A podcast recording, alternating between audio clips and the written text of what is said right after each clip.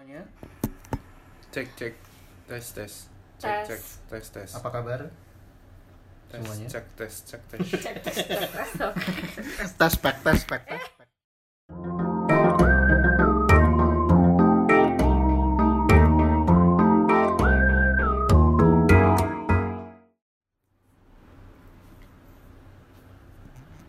Hai, selamat datang di podcast Sumber Bahagia. Bagaimana? Apakah harinya sudah bahagia? Dijawab. happy Iya. karena Boleh pendengarnya lumayan ya Lumayan. Lumayan. Alhamdulillah. Ah, karena aku pikir pertama cuma 6 ya Ya, enam. 6 Kita tuh dua kita kali. dua kali ngeplay Malah mungkin sembilan lah. Tiga kali. Oke. pencet Oke, opening Ternyata- yang cukup ceria. Thank you. Oke, guys, eh, sebelumnya selamat datang kembali di podcast Sumber Bahagia. Ini episode kedua kita dan sebelum menuju ke konten, kita mau ngucapin terima kasih dulu nih buat teman-teman yang sudah mengapresiasi podcast Sumber Bahagia di episode pertama karena di luar dugaan ya tadi kita ngiranya cuma 6 listenernya. Ternyata dalam waktu satu hari aja kita sudah bisa meluncur ke Spotify dan juga Apple Podcast. Ya, siap. Jadi sekarang kita sudah bisa didengerin di Spotify dan juga Apple Podcast. Sekali lagi terima kasih. Oke, sebelumnya eh kita mau sedikit ngasih ini nih kayak explanation lah ya. Mungkin karena kita juga kaget karena apresiasi teman-teman kemarin. Mungkin ada yang berpikiran sumber bahagia itu adalah podcast. Ya sebenarnya memang nama podcast kita sumber bahagia, tapi secara eh, apakah sumber bahagia itu podcast? Kita belum bisa bilang iya gitu. Jadi sebenarnya apa sih sumber bahagia itu sebenarnya bapak-bapak?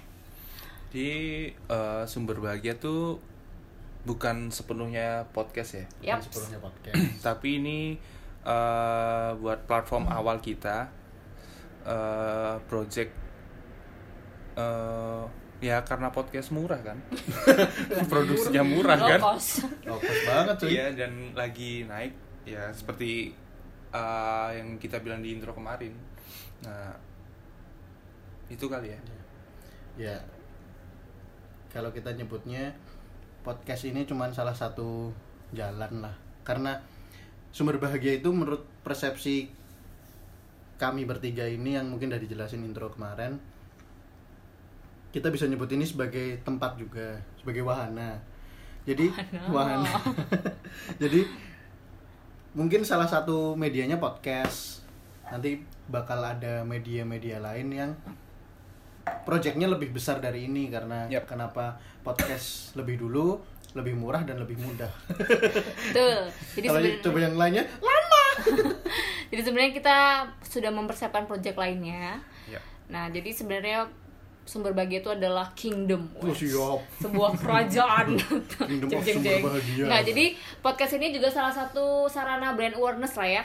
Nanti buat ke depannya. ya betul eh, brand awareness dari project selanjutnya yang Ya. masih dirahasiain. Kalau pengen tahu ya stay tune, dengerin terus, follow Instagramnya. at sumber underscore bahagia Siap, makasih. Oke, guys, eh, jadi hari ini kita hadir dengan sudah membawa konten, sebuah konten yang kita pilih karena keresahan kita bertiga. Jadi eh, topik yang sedang sering kita bahas ya di setiap pertemuan kita gitu ya. Jadi kita akan mengangkat tema tentang people who live in the plastic world gitu. Kayak namanya waduh brandingnya Wah, brandingnya biasa. gila biasa padahal Padahal biasa aja. padahal biasa aja. Jadi orang-orang yang hidup di dunia plastik. Oke, jadi langsung aja mungkin biar nggak bingung dunia plastik itu sendiri kita memberikan diksi dari atau perumpamaan dari sosial media ya. Iya, iya. Jadi kenapa sih dunia plastik? Iya. karena eh karena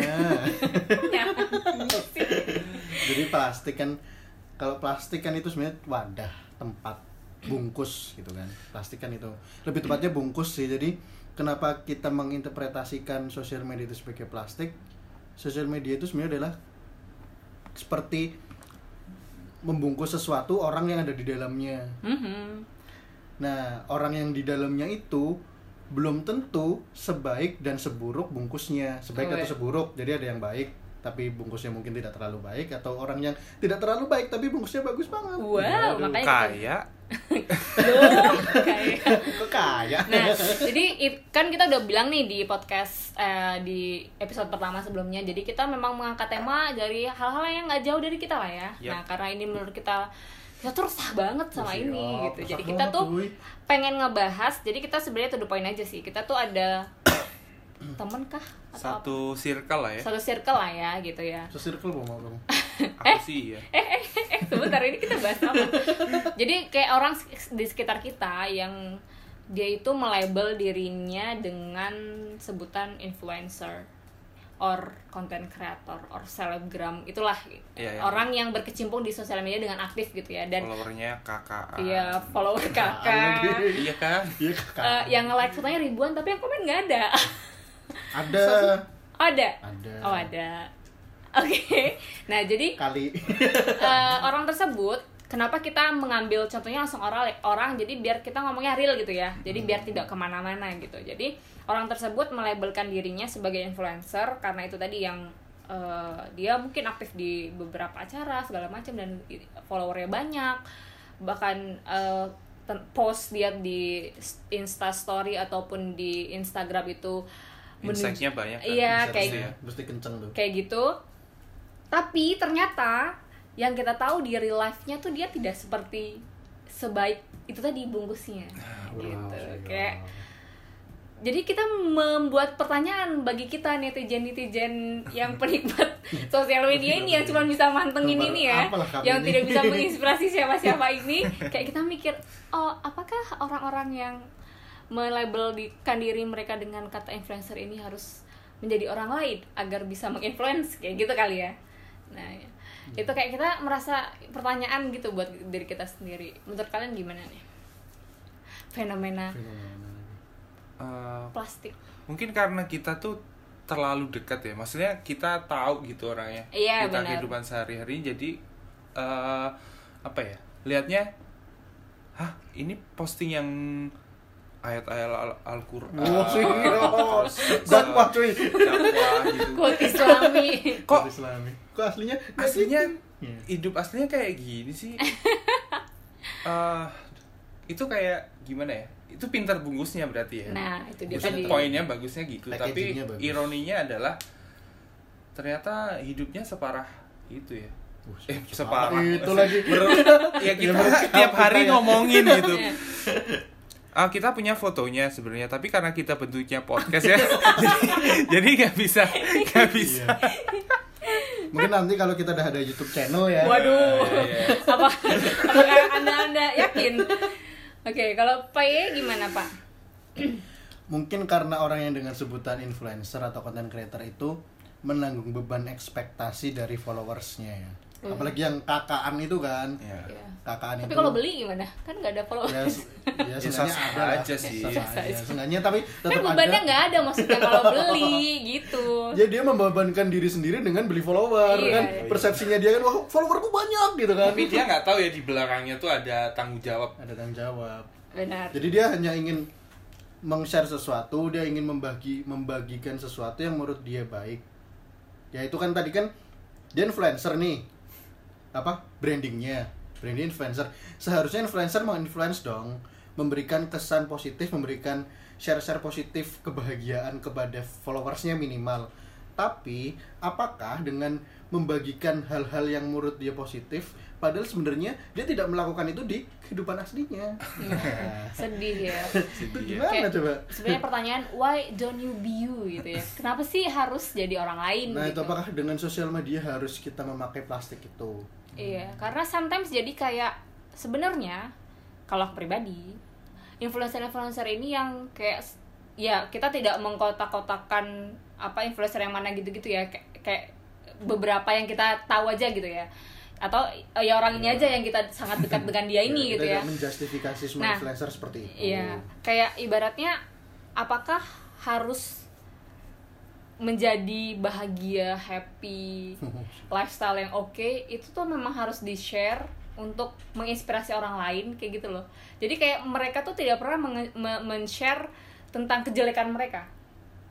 Kayak gitu, ibaratnya tidak dia tuh tidak men-share tentang mungkin dia lagi apa sih kayak hal jeleknya dia lah jadi kayak dia seolah-olah membungkus dirinya tuh dengan ya something good se- segala sesuatu yang bagus mulai dari pergaulannya lifestyle-nya kayak dia juga berada di lingkungan influencer yang kayak gitu kayak gitu loh. Ngerti gak sih? Jadi maksudnya apakah harus jadi seperti itu agar menginspirasi orang lain gitu?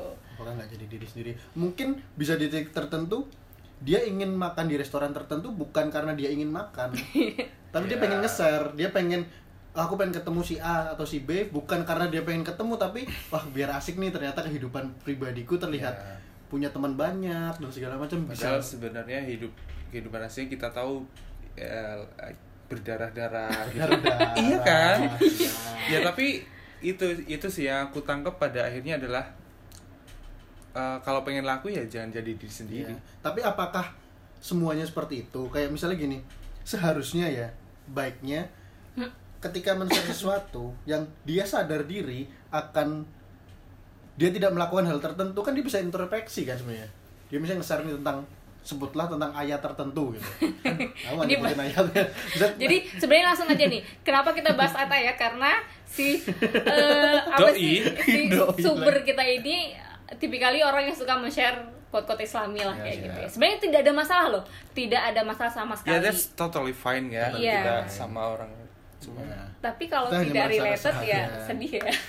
dan ternyata kalau kenyataannya itu Hmm, dia nge-share ayat tertentu tapi dia tidak sesuai dengan ayat yang dia share. ya Iya. yang kita tahu seperti itu di kehidupan pribadinya tidak selalu menjalankan apa yang sesuai dengan dia perlihatkan di sosial media Benar. itu kan dan itu sangat jauh ya kalau kita lihat tuh Ih, lumayan jauh sih. Itu kayak kamu udah ngomong sangat jauh tapi lumayan jauh tuh. Ya itu sih. Kalau apalagi ya itu tadi kayak kayak berkedok sama kayak jahat ya bahasanya berkedok tapi ya emang bener sih. Quote islami dan segala macam. Ya itu tadi kayak kalau menurut aku pribadi ya namanya agama dan segala macam itu cukuplah jadi konsumsi pribadi aja. Ya kalaupun kamu mau share dengan dengan itu alasan sebagai reminder buat orang lain ya just remind yourself first gitu loh. Ya. Ya. nggak Betul, sih ya. bener nggak sih? Jadi sebelum kayak ibaratnya kamu ngasih tahu orang buat mandi tapi kamu yang nggak pernah mandi ya sama aja dong kayak Ya. gitu kalau menurut aku. Ya, mungkin tujuannya buat dakwah ya. Dakwah kan mungkin persepsi mereka itu bisa bisa di mana aja. Seharusnya dengan media sosial yang memang platformnya bagus. Tapi kenapa itu harus bilang orang suruh mandi kalau dia belum mandi gitu Ya, kan. ya, ya. kenapa harus ngajak orang buat melakukan sesuatu tapi dia tidak memulai semuanya dari diri sendiri. Oke lah mungkin memang followersnya nggak tahu dia ngelakuin atau dia ngelakuin. Lebih banyak katakanlah dari kita sebut berapa sih? 150 juta follower katakanlah gitu. Banyak iya po nggak tahu berapa. Kok 150 juta? 150 juta banyak banget ya. Ribu, 150 ribu, ribu. ya 150 Belum ribu. 150 Selena juta. Gomez kalah loh tolong. Ini kita bahas siapa Selena Gomez? Selena Gomez nggak sharing ayat-ayat. Oke. Dan sama Justin putus langsung. Aduh apa sih ini nggak ngebayangin Selena sama Justin putus Putus ya gara-gara Selena posting ayat-ayat. Terus Justin wah itu terlalu Islam Oke, back to the topic, back to the topic, back to the topic. Sampai mana? dari, dari 150 ribu follower katakanlah gitu. Mungkin memang yang tahu kehidupan dia pribadi katakanlah cuma 100 atau 200 orang memang sebenarnya. Jadi menurut dia tuh nggak material. Jadi ketika dia untuk menjadi orang yang menurut dia bagus dan itu bukan dirinya dia menurut dia it's fine menurut dia loh mungkin it's fine karena dia nggak punya tanggung jawab buat menjelaskan follower kehidupan saya seperti apa nah per- problemnya adalah kita yang tahu nih kehidupan aslinya iya iya Kayak ya Allah. Ya Allah, ini, ini posting gini nih, serius gitu kan. Kayak gitu ya. dia menipu 150 k Ribu. main 3 Karena tiganya kita yang tahu. Ya Allah. ya pokoknya wow Ya pokoknya gitu sih kayak 150k ya yang tahu 100 orang 140 ribu somethingnya tahu tapi Berapa ya dibohongin ya nggak Nggak. Nggak usah ngecek ya. spesifik. kayak nggak barokah lah ya ibaratnya Kasih tahu fotonya aja, tapi di liatin podcast. liatin Kasih tau fotonya buat itu loh cover kita nanti. Jangan, bagusan artwork kita daripada aduh, dia. aduh, Astagfirullahaladzim. aduh, nggak nggak nggak nggak. Kita kita tidak tidak. Influencer semuanya cantik kali. Ya cantik lah. Ganteng-ganteng cantik-cantik influencer tuh. Mantap. Brand- Brandingnya bagus, packagingnya bagus. Pasti. Bawa TikTok influencer nggak sih masuknya? Influencer dia mau tiktokan Indonesia. Oh iya bener. Kok jadi ya bawa meet, TikTok? meet and greet aja ada yang bayar. Oh iya bener. Oh iya bener ya. Iya. Kita meet and greet nggak ada yang nonton mas. Belum ada, asal jadi masjid aja. aduh, stop, aduh, stop. Stop it, stop it, stop it sebelum. Ada topik. Oke, aduh cukup ya Terus? menguras perut. Oke, itu tadi adalah Keresahan ya? keresahan kita. Jadi kita eh, bilangnya sih real karena kita emang bener-bener resah. Karena Ya, resah karena kita siap ketemu ngomongin ini dan Iya, kita jadi- perlu haus akan update Dan- berita tentang dia ya. Terus nggak udah-udah gitu loh, maksudnya dia tahu dia tidak benar, tapi Diterusin. aduh, sampai kapan dia akan sadar gitu. Oke. Mesti jawab sampai Itu kan- sadar. Kamu siapa? Menyadarkan kamu Menyadarkan punya dong. andil apa gitu. Terus apa nih? Oke. Kita kita sebenarnya aku sebenarnya lebih tertarik untuk membahas dari dua persepsi sih. Jadi kayak itu tadi adalah kita melihat fenomena orang-orang yang itu tadi membungkus dirinya di dalam plastik yang disebut sosial media, tapi mm, mungkin dampaknya jadi tidak ya mungkin buat sebagian orang positif karena tidak tahu. Buat kita yang tahu jadi tidak positif ya. Jadi kayak ya betul betul kok betul. ini bungkusnya kayak cantik banget tapi kok aslinya nggak cantik? Gitu ya.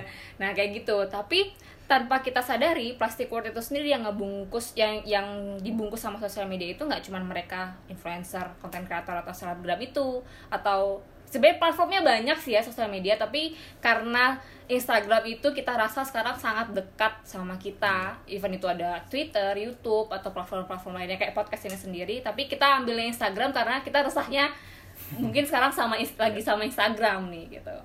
Nah terus kita juga kayak pengen bahas fenomena eh fenomena Fenomena. kayak jurusnya One Piece loh Fenomena. Velo. fenomena Aduh. Nggak Aduh. ngikutin, nggak ngikutin. mohon maaf ya aku jadi One Piece ya kayak fenomena netizen yang lucu-lucu banget gak sih Iya. ya kan kayak sekarang lagi tau kan hashtag Save Rio Dewanto Aduh, ya Allah. nggak nggak sih nggak sih sebenarnya ke sana gini ya. Nggak ke sana main. nggak kita nggak bahas itu ya biarin cukup satu negara aja yang ditipu dan Itu beda plastik ya. itu udah itu Plastiknya. udah plastik Kita bahasnya bukan plastik itu loh. ya jadi gini sebenarnya netizen Indonesia tuh unik-unik lucu-lucu dan kadang tuh kocak-kocak Iya. nah tapi ada satu fenomena aku ngambil contoh yang terdekat aja yang aku kayak wah ini netizen Indonesia ini kayak perlu perlu sekolah lagi deh Kayaknya perlu ada mata kuliah iya sosial media. menjadi iya sosial media bisa. menjadi netizen yang baik kayak gitu ya nah jadi Bukan cuma PPKN. kayaknya udah budi pekerti tenggang rasa tuh udah nggak sense lagi ya zaman Bukan sekarang gimana cara nyebrangin nenek itu loh. Oh iya. kan kalau menyeberangkan nenek ketika di jalan adalah kegiatan ber, per- apa terpuji. Iya. Oke. nah, jadi aku mau ngambil contoh aja nih. Kemarin aku sempat lihat di Instagram akun gosip. Jadi jujuran aku follow nih akun gosip. Ya kayak sejenis banyak lambe-lambe itu aku follow. ya. Karena apa? Jadi sebenarnya karena apa aku follow? Karena guys, saya tidak langsung sadar atau enggak, mereka itu lebih update daripada TV. Ini Oh, bener. iya, jelas. Jadi kayak kamu mau dapet info apa paling cepet ya? Karena kan sekarang paling dekat sama kita handphone kan. Kayak pas buka, mereka pasti update banget. Kayak kemarin aku lihat gempa Palu sebelum nonton TV, aku tahu dulu dari si lambe-lambe ini beneran. Ah, Dan orang Palu lebih tahu gempanya di Lambe. Knows? Belum goyang dah, udah update. kita nggak tahu kan. Nah, jadi sebenarnya jujur kayak mereka selain ya banyak gosip-gosip nggak jelas gitu, mereka tuh sangat update sama berita bahkan berita-berita yang tidak dimunculkan di TV tentang ya gitu mama marah ditilang lah apa itu pokoknya semuanya ada di situ. Maksudnya itu kayak hiburan gitu loh. Nah ada salah satu berita yang muncul di akun gosip tersebut. Jadi beberapa waktu lalu ada seorang mantri sunat yang dia salah ngelakuin ini kayak kecelakaan tugas. Jadi dia eh, menyunat anak kecil ternyata terpotong anusnya.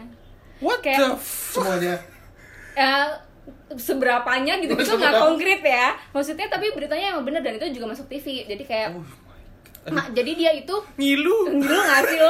Nah, sebagai orang yang bener ya Sebagai orang yang waras bener Sebagai netizen juga aku Pas baru baca itu aja berita Pasti kayak ngerasa Gila kayak kasihan banget gak sih Ah. gitu-gitu Nah sebelum kita ngusut ternyata manterinya itu adalah memang Bukan uh, orang yang kerja di bagian kedokteran Jadi memang dia Hmm. cuman spesialis gitu loh Kayak eh spesialis Kayak emang cuman mantri yang kerja udah bertahun-tahun Dan dia itu Oke. 70 tahun pas nyunat Bayangin orang 70 tahun tremor ya Wow. ya kan kita nggak tahu kan nah sebagai netizen yang bener kayak pasti rasa yang awal muncul adalah empati dan Iba. ya iba kayak kasihan dan you know guys apa yang muncul ketika saya memencet kolom komen netizen netizen Indonesia itu jadi mereka komen kayak di luar pikiran banget kayak men mereka komen adalah wah gila ya tuh anak auto jadi lu cinta Luna kayak wah Jesus Christ. kayak gila gak sih? Kayak itu adalah komen yang sangat tidak terpikirkan oleh akal sehat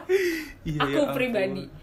Mantap ya. Itu dia lagi mikir apa ya ngetik gitu ya? iya gitu. Dan- sebenarnya imajinasi netizen ini liar loh. Nah makanya kan kayak kita nggak kebayang kayak bayangin lah anaknya kalian salah sunat dipotong anusnya bukan dioperasi secara bener untuk ya nyunat lah kayak gimana lah. Itu masa depannya kan. Kayak kebayang gak sih kayak gimana? Nah itu dia kayaknya untuk netizen itu sendiri edukasi yang sangat penting sekarang adalah manajemen kontrol emosi gak sih? Dan gimana caranya nggak buat tangan kalian tuh jadi latah? Ya. Eh, mungkin sebenarnya kalian mikir yang apa yang kalian ketik itu nggak masalah ya. Bener Tapi nggak usah di ketik, nggak usah di post. Iya nggak sih? Tahan, Ditahan aja gitu. ya itu tuh tadi manajemen buat kedewasaan di sosial media sih mungkin memang banyak anak-anak atau mungkin orang-orang yang belum dewasa atau orang yang dewasa tapi belum dewasa maksudnya orang yang secara usia dia dewasa Iya, kita tapi nggak pernah secara tahu. emosional dia belum dewasa kan ada Bener, personal. bener. secara personal dia belum dewasa yang kaget dengan sosial media maksudnya mungkin dulu banyak ya mungkin dulu ada istilah yang mulutmu harimaumu kan. Sekarang lebih tajaman jempol cuy. Bener. Bahkan kalau misalnya ada pos tertentu salah satunya pos yang tadi yang masalah hilangnya si dede itu. Dedeknya hilang ya Padahal yang, Allah. yang dedenya hilang masih dede bayangin coba. Aduh dia mau pipis gitu kan nyari nggak ada. Aduh. Stop. nah nah dari itu dari pos-pos yang mungkin artis atau mungkin orang-orang yang terkenal ketika ada konflik tertentu lebih seru liatin kolom postingannya cuy. Kolom Iya. komentarnya maksudnya. Iya karena malah beragam beradu sendiri. Mm-mm. dan mesti out of topic. Jadi point of view-nya tuh lucu tuh. Mesti point of view mereka tuh berbeda dan imagination-nya berbeda dan banyaknya head speech juga. Apakah padahal yang mungkin head speech di sosial media ketika ketemu di real life mungkin kita ambil contoh kayak Deddy Gobusher lah dia berani nemuin orang yang head speech sama dia kan. Ketika ketemu sama orang-orang yang berani head speech sama dia ternyata ternyata ya cuman ya orang yang bahkan menurut Deddy Gobusir itu bilang ya dia nggak tahu juga hidupnya mau ngapain gitu kan. Iya kan, kayak nggak ya. ada gitu loh, kayak nothing gitu. Atau mungkin mereka komentar itu karena setauku ya uh, algoritma Instagram itu uh, kalau kita sering komen, sering Hmm. likes itu profil kita naik gitu. nah Atau itu, yang mungkin nggak tahu yang- juga. balik Tapi lagi ke eksistensi. Mereka nggak mikirin kok apa yang mereka komen gitu. nah itu. Makanya sebenarnya buat algoritma algoritma apa? Algoritma algoritma. Logaritma. Ya, Logaritma. like. Ya algoritma. Instagram itu jangan dikasih panggung sih orang-orang yang head speech segala macam. Soalnya misalnya gini nih ada ngepost eh, ngepost tertentu ternyata dia head speech ngebo- ngebohong-bohong eh, ngebodoh-bodohin orang yang nge ngepost gitu atau segala macam misalnya artisnya atau konten kreatornya segala macam dan ketika dia komen tertentu yang mungkin tidak benar atau mungkin head speech dan pada menyanggah buat itu tidak benar tapi kan komennya makin banyak tuh Nah, ya, ya. Nah itu dia kasih panggung ke situ dan dengan algoritma Instagram dia bakal di post di Iya. top post komen. Jadi Nah. ketika ada itu ya orang-orang yang mungkin di podcast kita pasti nanti bakal ada orang-orang satu frekuensi sama kita lah. jadi buat minimalnya buat kita kita berdewasalah bersosial media apalagi sih. sebentar lagi tahun politik ya iya bahaya banget. panas banget tuh Instagram cuy timeline pasti kotor ya Iya, Jadi- banyak orang-orang yang menjadi bodoh mendadak gitu kan gara-gara politik bener itu itu sih benar. Instagram Itu salah satu netizen tapi kita nggak bakal bahas itu. Nah itu tadi kayak selain apa manajemen emosi, kayaknya mereka tuh juga apa dididik dengan please merasa kalau gimana posisi kalian kayak orang itu gitu loh. Jadi kayak orang Indonesia zaman sekarang tuh kayak sudah tidak bisa merasakan wah kalau kayak kita masih kecil mukul teman kita pasti nanti ibu kita bakal bilang jangan dipukul kalau kalau dipukul nanti gimana kalau kamu dipukul bakal ngerasa sakit juga. Nah sedangkan zaman sekarang netizen tuh mulutnya itu ap- bukan mulut ya apa sih ketik Jempol. jempolnya mereka itu yang mewakili isi otak mereka itu itu tidak bisa merasakan empati itu. Kayak nggak bisa ngerasain kayak orang lain kayak ya itu komen komennya itu adalah auto jadi cinta Luna bayangin kalau anak kalian itunya kepotong terus mendadak jadi lu cinta Luna apakah kalian akan bahagia? Kan enggak ya. Kayak gitu kan ibaratnya. Jadi ya gitu kayak let's control your emotion dan juga buat more empathy lah kayak gitu buat mungkin gara-gara sosial media orang-orang yang bersinggungan langsung sama sebenarnya orang yang bertemu dengan orang tuh jadi semakin intensitasnya berkurang kan. Iya. bahkan ketika di situasi tertentu orang berkumpul misalnya nongkrong gitu lebih banyak megang handphonenya sekarang Yap. daripada Iya. nongkrongnya. Jadi mungkin karena kecenderungan sosial media itu empati persepsi akan orang itu berbeda gitu loh. Karena ketika kita komen di Instagram atau mungkin YouTube segala macem kita nggak bersinggungan langsung sama orang. Jadi jadi kita ngerasa wah kita bebas Nggak- nih iya, benar, apa pun. jadi empatinya tuh nggak dapet. Ketika padahal ketika ketemu live nih sama orang tertentu kita mungkin nggak bisa nyampein gitu karena wah ada orangnya. Atau mungkin kita mikirin gimana sih perasaan dia kalau kita ngomong hal tertentu yang mungkin tidak baik. Ya itu dia tadi ya dunia plastik berarti ya. Dunia plastik itu jadi dibungkus yang mau bungkus dirinya. Bahkan apalagi fenomena fake account zaman sekarang ya. Orang yep. bisa membuat fake account dengan mudah secara tidak langsung Instagram memfasilitasi orang-orang mempunyai kepribadian ganda ya nggak sih? Sometimes orang di real accountnya nggak kayak gitu tapi di fake accountnya dia bisa jadi sangat brutal itu kita nggak tahu itu banyak banget sih Yoi. ininya oke jadi ada lagi nggak yang Ada mau lagi. aku pengen bahas ini loh apa apa, apa? itu kan secara garis apa ya eh, orang-orang masif ya gede Heeh. banget. tapi aku penasaran nih sama kalian ada nggak sih orang-orang yang menurut kalian annoying di Instagram yang ya buat lucu-lucuan aja gitu kalau aku ada beberapa soalnya aku Boleh? juga ada boleh boleh di share loh ini. boleh yoi. gimana gimana desain grafis gimana Enggak. kayak kita kita dari tadi nggak ngomongin profesi ya. tiba-tiba langsung ditembak desain grafis gimana Enggak ya, aku tuh aneh sama orang-orang yang posting pertama chatting isi chat gitu ya isi chat. Emang ya orang-orang tuh pengen banget ya lihat chatting personalmu sama orang lain ya. Kalau aku enggak loh. oh ya itu tadi ria ria Itu terlalu perso. Ya nggak tahu sih kalau kalau dia kan orang ingin membagikan kalau wah dia hidupnya bagus Iya. ingin membagikan tentang kehidupannya dia chatnya dia lu nggak ada yang peduli Terus sama orang-orang yang fitness di Insta Story tuh kalian nggak aneh ya? Tidak mau Iya maksudnya fitness di Insta Story. Fitness di posting di Insta Story gitu. oh, Oh, workout gitu lah ya Iya, menurutku tuh hal yang paling susah di dunia itu konsisten. Iya nggak? Oh, oke Ya kan? Terus kalian posting di situ, terus pas ke, pas ketemu tuh biasanya kok segitu aja nggak berubah berubah oh iya bener. Iya kan? Iya benar. Iya sih. Makan sehat Waduh. fitness tiap hari terus pas ketemu terus kayak clean sheet. Kan kemarin fitness kayaknya dua apa? Rajin tujuh fitness hari kayaknya lima harinya fitness terus kok. Gitu aja. Itu loh yang aduh orang-orang nggak bisa ya nggak usah. Kalau mau posting itu u- eh, pas udah selesai pas Jadi udah berubah. kelihatan resultnya ya. Jadi kamu mau sombong sesombongnya apa pun fine. Benar Itu sih. kalian punya gak sih? Kalau aku keresahannya Iya sih. sih. gitu mungkin buat tadi kan yang dibahas pertama topiknya buat influencer. Bahkan yang buat kayak kita pribadi ini yang bukan influencer Iya, ya. iya, yang tem- remeh-temeh aja. yang remeh-temeh ini yang followernya cuma temen-temen sendiri. Ya kan? Itu aja ngeposting sesuatu yang menurut mereka bagus. Kayak misalnya tadi sebutlah fitness atau mungkin dia uh, ngeposting kalau dia selalu makan clean food gitu. Mm-mm. dia diet segala macam pengen kurus. Di wah ini nih sehat nih. Padahal kehidupan nyatanya ya makannya sama aja. Nah, segitu-gitu aja gitu kan. Masa kalau dia diet nih kurus gitu habis itu ketemu wah kamu jadi kurus ya jadi ini ya gitu. Tapi nyatanya ya. mungkin mungkin salah satu banyak faktor kali ya faktor. tapi tapi kenapa tapi dia- tapi tapi orang-orang kayak gitu please jangan berhenti posting it's fine man karena apa kalau berhenti kita nggak ada obrolan iya. ya sih ya teruskan apa yang kalian suka Ya itu sih emang ya namanya pengguna sosial media tuh Iya. aneh-aneh. Kalau aku yang annoying apa ya?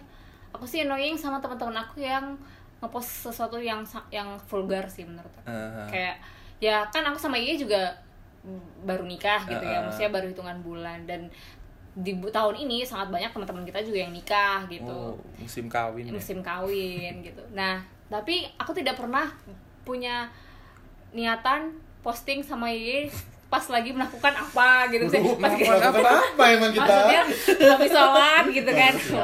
Nggak maksudnya ya udah gitu kan. Maksudnya keintiman kalian dengan suami kalian Iya, atau pasangan kayak- kalian tuh just cukup dinikmatin berdua iya aja gitu. kali ya Kalau cuma posting berdua ya namanya juga sama suami istri sama pasangan nggak apa-apa. Hmm. Tapi kalau yang sudah intensitasnya terlalu intim itu enak gak sih? Iya. ya kan? Buat aku yang sudah menikah walaupun yang itu yang melakukan adalah orang yang sudah menikah misalnya let's say. Tapi menurut aku tetap annoying karena cukup itu jadi konsumsi pribadi kalian aja nggak perlu dunia tahu kalian ngapain. Karena kita juga yang menikah pasti bayangin kok kalian udah ngapain aja jadi ya udahlah enough gitu.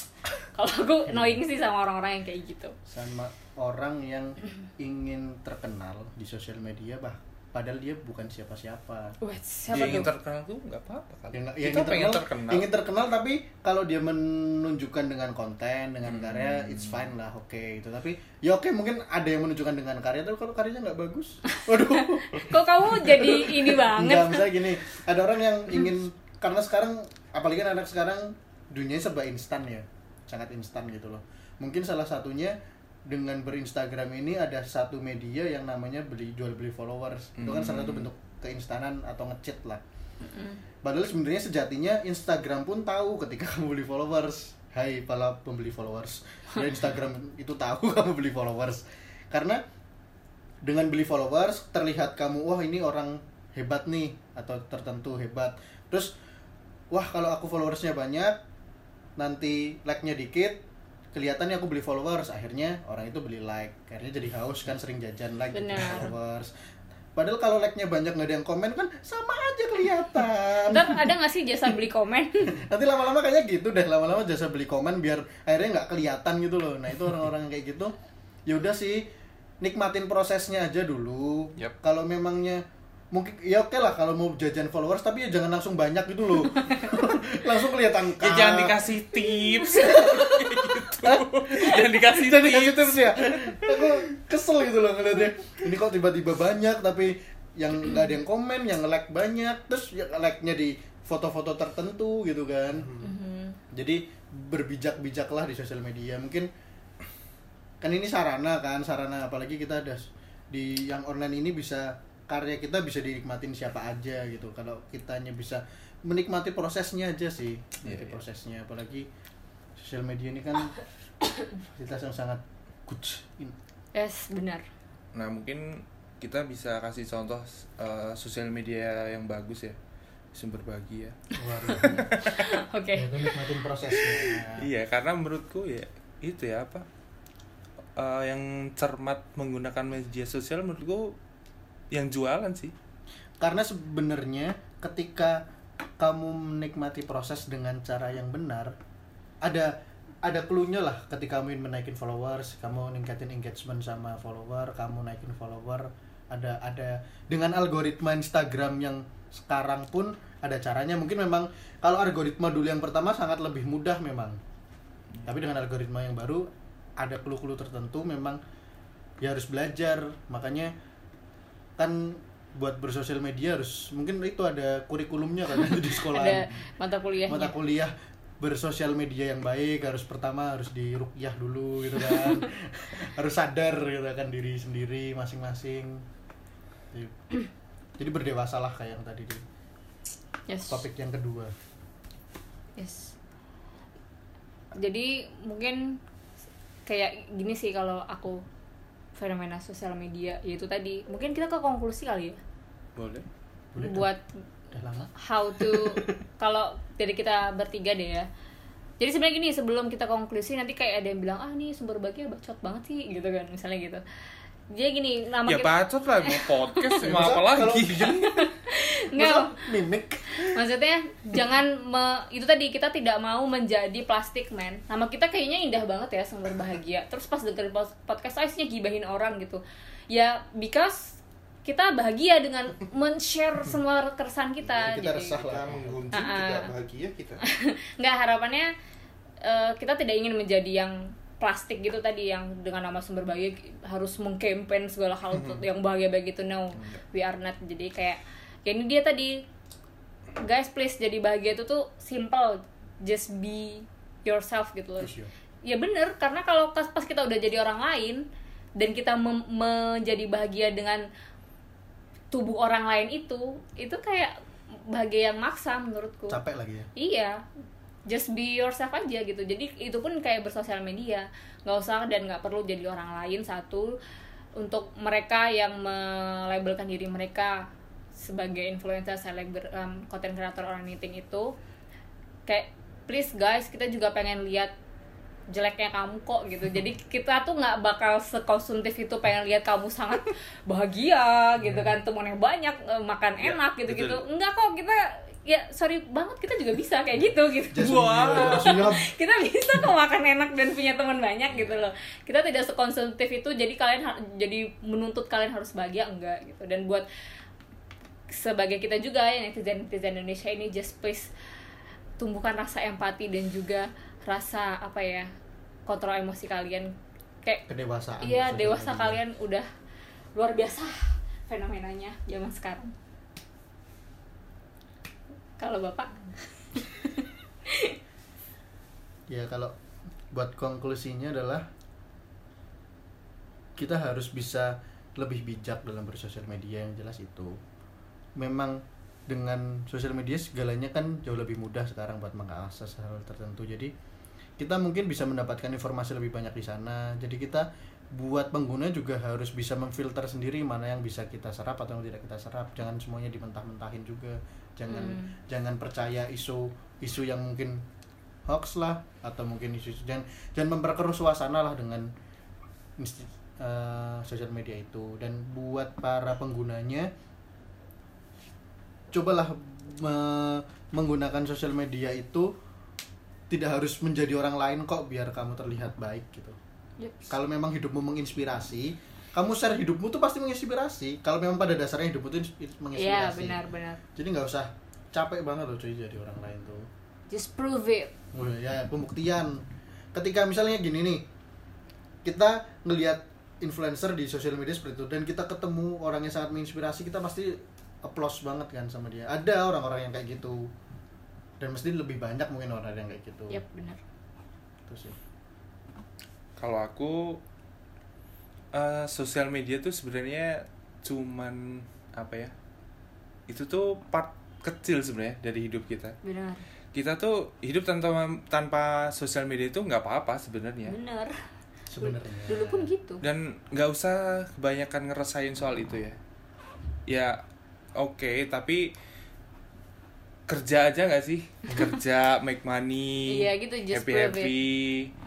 Kayak gitu aja sosial media tuh cuman hiasan kali ya bisa tapi, dibilang. tapi mereka make money dari sosial media? Ya fine tapi buat kita kayaknya belum ya. Semoga. Sebenarnya it Tapi- doesn't matter kalau make money dari sosial media Iya, tapi, tapi- kalau sudah merubah tapi kan nggak semua orang make money kan? Iya. buat yang itu menurutku ya ya udah. Fokus sama real life aja nggak sih? Benar. Real life tuh lebih penting tuh loh real Iya. life-nya. oke? Oke mungkin segitu? Ya cukup panjang ya ternyata. Lumayan ya ini agak topiknya Iya. cukup gibahnya lumayan lah buat Hmm. episode kedua ini. Oke itu dia tadi eh, sedikit dari kita tentang ya sosial media zaman sekarang. Harapannya cukup mewakili perasaan teman-teman juga. Ya yang sepertinya belum terwakili atau mungkin ada hal-hal tertentu yang ingin diskusi sama kita bisa Atau email. kalian influencer tadi yang tersindir? Boleh. dimension dong boleh Nah, apa kita no offense kalau kita no offense Ya, Boleh ngopi bareng. Boleh ngopi Boleh ngopi bareng, ternyata, iya ngopi bareng ternyata oh nggak gini loh loh emang kamu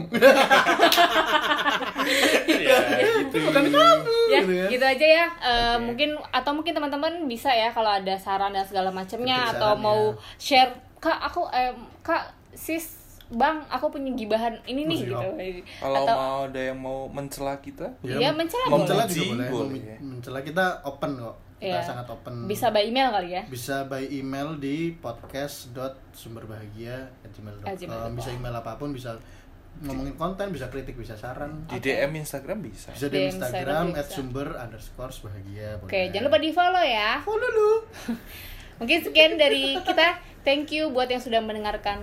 Dah. Bye. Bye bye bye, bye. Sejam nggak? enggak 40 menit. Eh, Oh ya? udah belum